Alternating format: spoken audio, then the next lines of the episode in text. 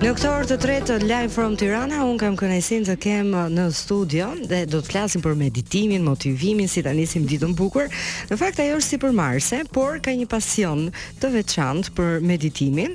Është Pranvera Rapushi, mirëmëngjes dhe mirë se erdhe. Përshëndetje dhe faleminderit për ftesën. Ky është pasioni yt, nuk është se ka lidhje me profesionin. Ne do mbetemi te pasioni, por që ti e ke konkretizuar shumë bukur edhe me eksperienca të veçanta dhe unë do ta nis nga eksperienca jote para një muaji në vizitat që ke bërë në tempujt hindu mhm. dhe jam pak ziliqare në këtë moment.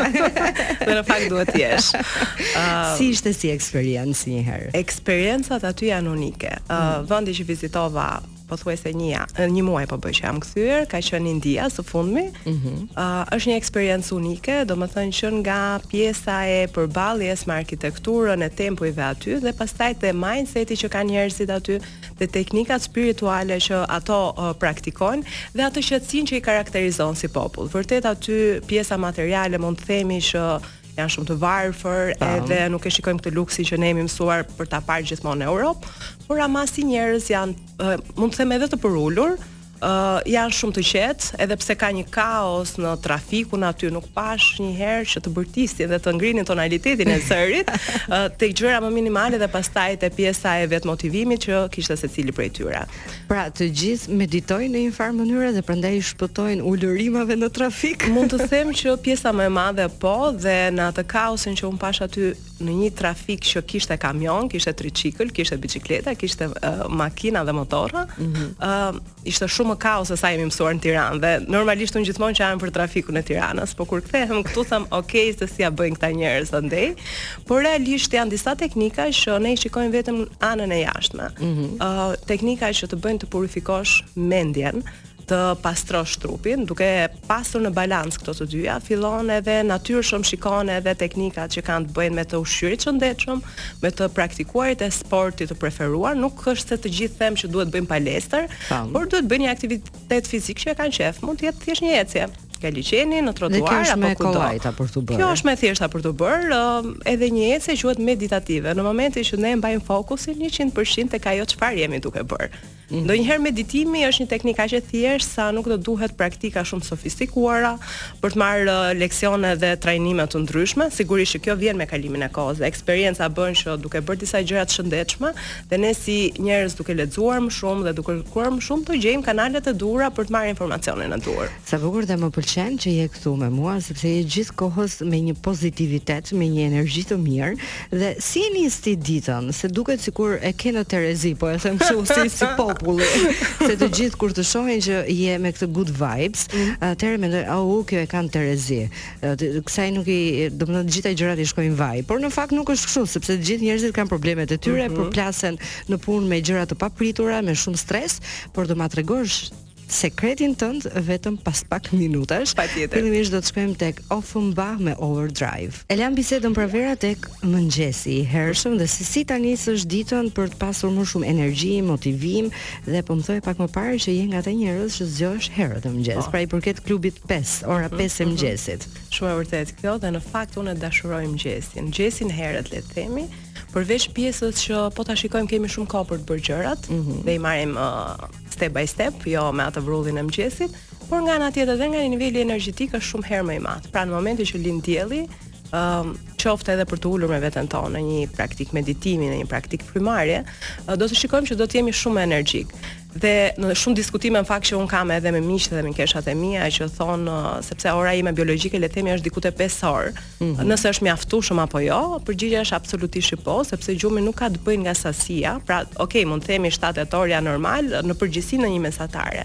Por këto 7 8 orë nëse bëhen në një gjumë cilësor, dhe ke një jetë shumë dinamike dhe aktive me aktivitet fizike dhe me aktivitete të tjera, do ta shikojmë që nuk ka të bëjë kohëzgjatja e gjumit se sa cilësia e gjumit. Mm -hmm.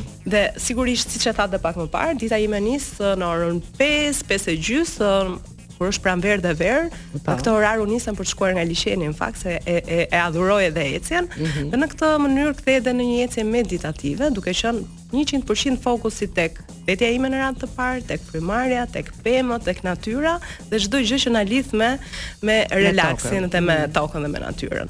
Pastaj, nëse jam në shtëpi, sigurisht që zgjohem, bëj një le të themi pak yoga, se sigurisht për të relaksuar uh, tendinat, muskujt dhe për të ardhur në formë të mirë fizike. Mm -hmm. Më pas filloj me disa teknika frymëmarrje, që në fakt unë e super sugjeroj dhe personat që kanë një stres, një ankth, janë teknika që uh, të purifikojnë mendjen, të oksigjenojnë të gjitha qelizat, po themi të gjitha organet. Po t'i shikosh edhe nga ana fizike dhe nga ana shkencore, por uh -huh. edhe nga ana energjetike, krijon një balancë midis uh, trupit. Do të qëndrojmë pak këtu dhe pastaj do të jap kohë për gjërat e tjera dhe unë ju kërkoj diçka të gjithë ju që jeni në makinë në këtë moment.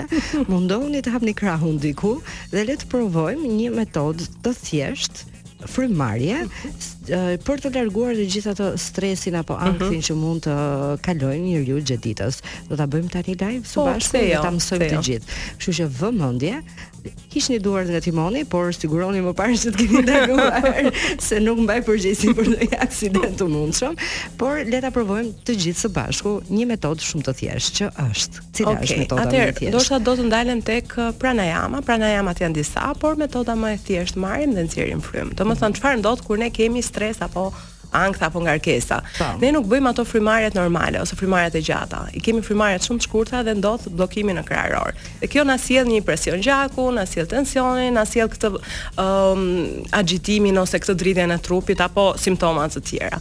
Kështu që në momentin që ne ulemi në qetësi, mundohemi të normalizojmë frymarrjen, mund të jemi në një pozicion lotusi, pra ai pozicioni klasik i meditimit ose në një pozicion thjesht të ulur në divan, në makinë apo kudo qofshim, mm -hmm. dhe të marrim frymë ngadalë dhe ta nxjerrim frymën ngadalë. Domethënë të jemi në present moment. E kuptoj. Frymëmarrja bëhet gjithmonë nëpërmjet hundës. Po, marrim frymë ngadalë me hundën dhe e nxjerrim po ngadalë nëpërmjet gojës. Pastaj, pasi e kemi bërë 5-6 herë në këtë mënyrë, fillojmë uh, mund të marrim uh, po themi frymë nga flegra e anës së majtë, duke po. bllokuar flegrën e anës së djathtë, Pra, le ta bëjmë prapë. Nga ana, po. Marrim ose djatha ose majta, ose... po zakonisht niset nga e majta. Majta, pra bllokojmë. Pra, bllokojmë të djathtën. Marrim frymë ngadalë. Ndoshta mund ta bëjmë edhe me numërim derisa të mësojmë frymarrjen, po secili ka ritmin e vet. Po. po themi 1 2 3 4 5 bllokojmë flegrën e majtë, hapim flegrën e djathtë dhe nxjerrim ajrin nga ana tjetër. 1 wow. 2 3 4 5 E njëjta gjë, marrim frymë nga flegra e djathtë dhe nxjerrim nga flegra e majtë. E kuptoj. Dhe mund ta bëjmë 3 sete, 5 sete, 10 sete. Pra, nëse unë jam e stresuar në një moment se ka ndodhur diçka, mund të bëj këtë lloj frymëmarrje, pra me gishtin uh, mund të bllokoj anën e majtë të hundës mm -hmm. dhe të mhm. marr frymë mm -hmm. të djathtën dhe pastaj dhe pastaj anasjelltas dhe filloj dhe e ndjej atë relaksin po, dhe çfarë. Po, është shumë e vërtetë që e ndjen dhe këto janë dhe ushtrime që mund të ndodhin edhe para se të dalësh në një um, public speaking, para një ushtrimi, para një takimi të rëndësishëm, në një ngarkesë të caktuar, janë dhe nga ana shkencore, por dhe nga ana energjetike. Po ta shikojmë prana jama quhen. Mm -hmm. Pra prana është niveli energjetik apo energjia universale po themi. Dhe jama janë kontrolli. Pra mendja le të themi në këtë rast është si një balon, Dhe pranajamat janë si një litar që mban balonën. Në këtë rast litari ka në gjithë kontroll apo balancën e balonës. Mm -hmm. Dhe në këtë mënyrë ne duke ushtruar këto lloj aktivitetesh, jo vetëm se kemi mendjen në kontroll, por kjo na çliron nga ngarkesat, na purifikon, po themi energjinë dhe nga ana trupore sigurisht që ne kujdesemi për të ngrënë shëndetshëm, uh, për të bërë aktivitetet që ne kemi dëshirë, për të mbajtur motivimin sipër dhe duke parë gjithmonë me optimizmin e gjërave që na rrethojnë dhe njerëzit me të cilin takojmë, sepse është e rëndësishme edhe kjo pjesë. Siç e thamë pak më parë, domethënë janë disa persona që uh, ne japim dhe marrim gjatë ditës në fakt. Pra ne jemi trupa, them unë, që mhm. shkëmbejmë mm -hmm. energji, energji me njëri po. tjetrin. Dhe më kujtove pak më parë edhe një libër që unë kam lexuar, është një psikoanalist gjerman dhe një gazetare uh mhm. -huh. gjermane që e kanë shkruar atë libër dhe ka të bëjë pikërisht me energjinë që marrim dhe japim ja. dhe shkëmbejmë njëri-tjetrin psikovampirët e famshëm. Uh mhm. -huh. Flas pikërisht për këtë. Janë njerëzit që të marrin apo të thithin gjithë energjinë e mirë që ke dhe të lënë me një zbrazëtirë uh mhm. -huh. dhe ti fillon të ndihesh keq. Po.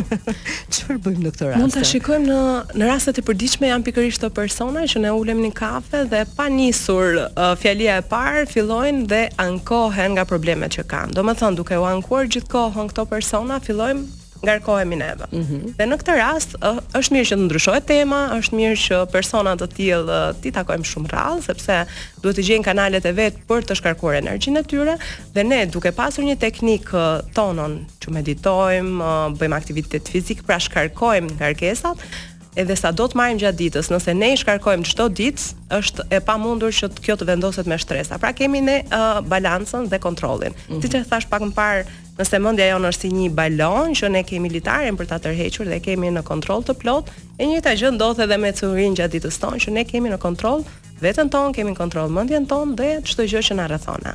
Do ta vazhdojmë bisedën dhe mua po më pëlqen shumë dhe të falënderoj edhe për teknikat e thjeshta por që po na mëson sot, por fillimisht do të shkojmë te Maneskin Le Parole Lontane. Live from Tirana. Në Top Albania Radio. Live from Tirana. Pranvera unë dua të ndalem tani tek llojet e meditimit. E di që janë të shumta, por le të përmendim disa të ndryshme dhe ato më tipiket. Po, është e vërtetë që ka disa në fakt, edhe siç po e thoshim edhe pak më parë, nuk ka asnjë teknikë meditimi që mund të themi është e gabuar. Mm -hmm. Të gjitha janë shumë të mira. Por jemi ne që jemi të ndryshëm. Një teknikë që është e duhura apo ajo që më pëlqen mua, për dikë tjetër ndoshta nuk është e preferuar. Kështu që secili nga ne është mirë që të lexojë, pra informacioni është thelbi i çdo gjëje. Mm -hmm. Të informohet nga vjen burimi i teknikës, çfarë është, për çfarë praktikohet dhe më pas ta shikojë si do të ndihet me atë. Është mirë që të praktikojmë disa dhe të shikojmë se cila është teknika e duhur për ne. Dhe të përqafojmë të duhurën. Të duhurën patjetër, si do ta kuptojmë do themi po. ne. Janë instinktet ato që kuptojmë, janë mënyra se si na bën të ndihemi. Por uh, që meditimi ka disa, kjo është e vërtetë, sepse mund të nisim nga meditimi që bëhet thjesht në gjendje qetësie. Pra ajo që thamë pak më parë, mjafton të ulemi në një ambient të qetë, mund të jetë në makinë, mund të jetë në shtëpi apo në natyrë, dhe thjesht të marrim dhe nxjerrim frymë, pra të vëzhgojmë frymëmarrjen tonë dhe të jemi të vetëdijshëm për atë moment. Kjo është e para. Kjo është e para dhe më e thjeshta. Mjafton 5 minuta, 10 minuta në ditë dhe shkarkon të gjitha emocionet tona.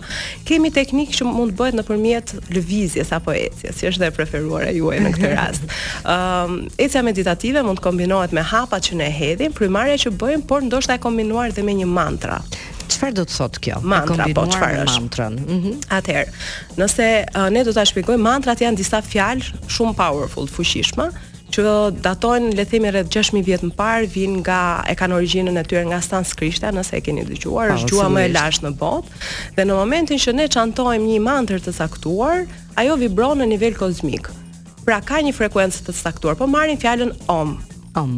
Om tipikja. Nëse okay. kemi dëgjuar e kemi dhe uh, është bërë shumë e njohur edhe edhe në Shqipëri edhe në Europë kohët e fundit.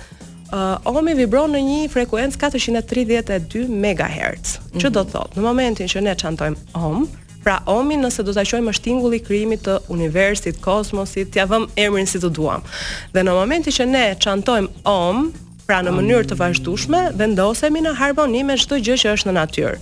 Dhe kjo gjë jo vetëm nga ana energjetike që na bën të ndihemi më mirë, por dhe nga ana fizike, sepse uh, oksigjenojmë të gjithë uh, qelizat tona dhe organet me frymëmarrjen që bëjmë. Mënyra e teknikës së frymëmarrjes normalisht qetëson ankthin dhe stresin, mm -hmm. edhe nga diafragma, se po e shohim omi, nuk është një tingull që del nëpërmjet kordave të zërit. Është një tingull që vjen së brendshmi dhe me diafragmë del jashtë. Uh, po ta shohim. A mund po. të them diçka këtu se më kujtua uh, uh, një ndër artistet më të mëdha në muzikë, siç është Tina Turner, e cila uh -huh. uh, filloi shumë herët të merret pikërisht me me hindut edhe me me këtë lloj po them meditimi mm -hmm. dhe uh, kam dëgjuar para disa kohësh një këngë të saj që ka lidhje pikërisht me me mantrën mm -hmm. dhe kur e kam dëgjuar me kufje atë këngë, unë nuk e di pse, edhe ishte edhe një ditë e ngarkuar emocionalisht për mua, por në momentin që dëgjova atë këngë që ka të bëjë pikërisht edhe me këto elemente që ti po thua, um, Fillova dhe ndjeva që po relaksohesha, por më kapi me të qara pafund. Uh -huh. A është normale? Është shumë normale. Okay. Domethënë njerëzit që praktikojnë jogën dhe meditimin, do t'i shikojmë që do kenë shpërthime nga më të çuditshme që duken për ne, por nuk mhm. janë aspak të çuditshme. Sepse, uh, siç mund ta shikojmë, ne mund ta shpjegojmë nga niveli shkencor, mund ta shpjegojmë nga niveli fizik, mund ta shikojmë nga niveli astral, Pra ka disa dimensione.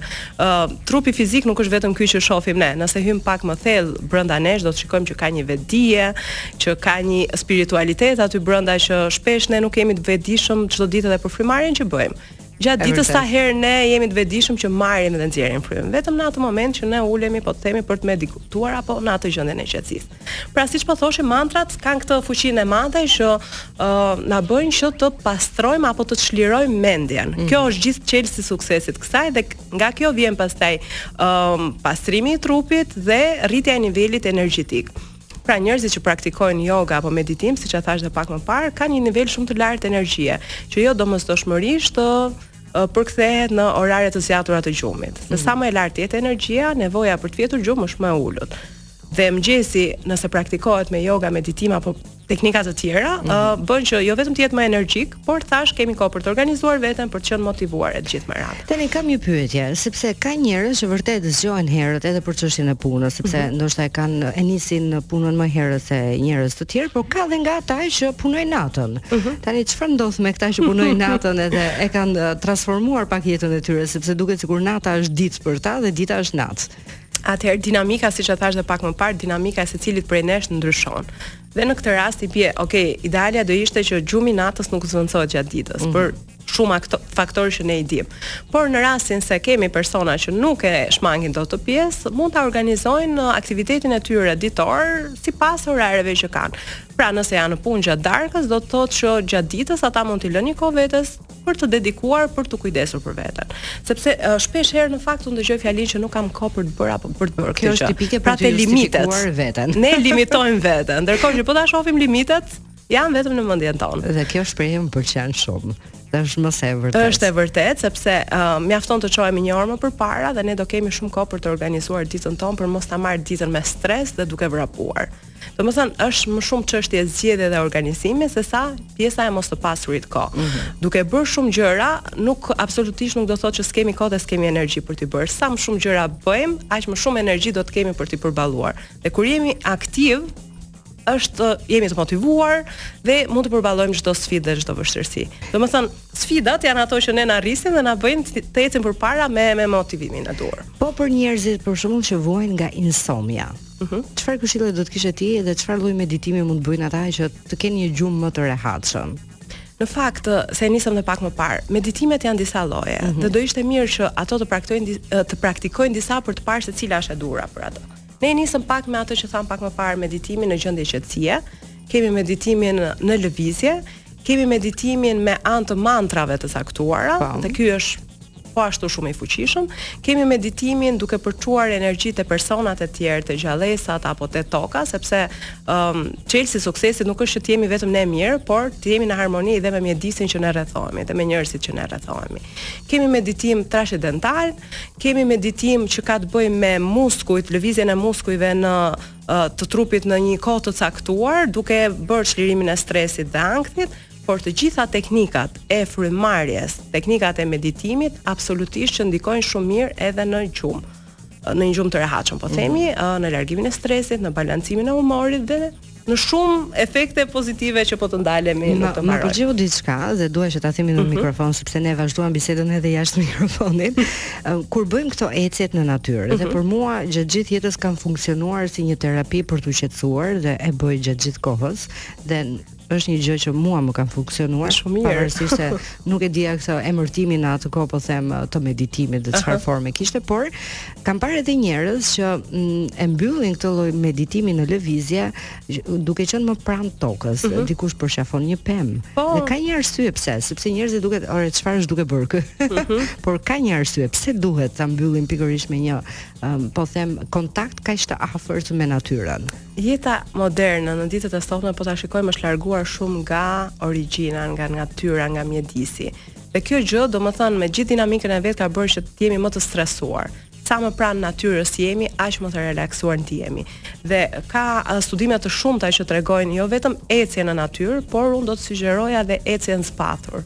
Mm -hmm. Nuk ka kontakt më të mirë se natyra, duke ecur me shputën e këmbës në kontakt me tokën.